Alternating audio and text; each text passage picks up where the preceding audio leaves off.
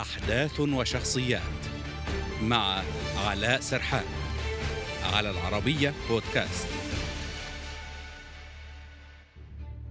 شخصية قوية حلمت أن تكون رئيسة.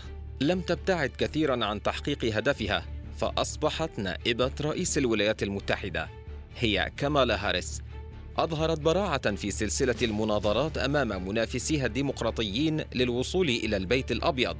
مستغلة مهارتها التي اكتسبتها من عملها في الادعاء العام حتى أنها وجهت انتقادات لاذعة لمنافسها جو بايدن في قضايا تتعلق بالعرق في الولايات المتحدة. خبرتها استمدتها من حياتها المهنية والأسرية فهي ابنة لمهاجرين أم هندية وأب جامايكي انفصلا وهي في السابعة من عمرها.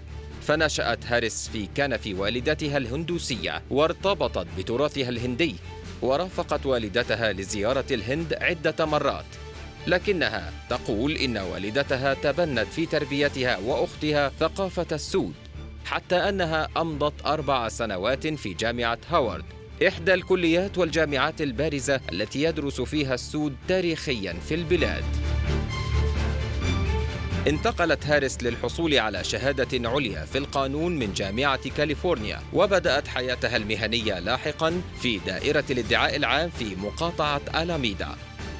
تولت بعدها منصب المدعي العام في المقاطعة وفي عام 2003 أصبحت المدعي العام الأعلى لسان فرانسيسكو قبل أن يتم انتخابها كأول امرأة وأول شخص أسود يعمل كمدع عام لولاية كاليفورنيا.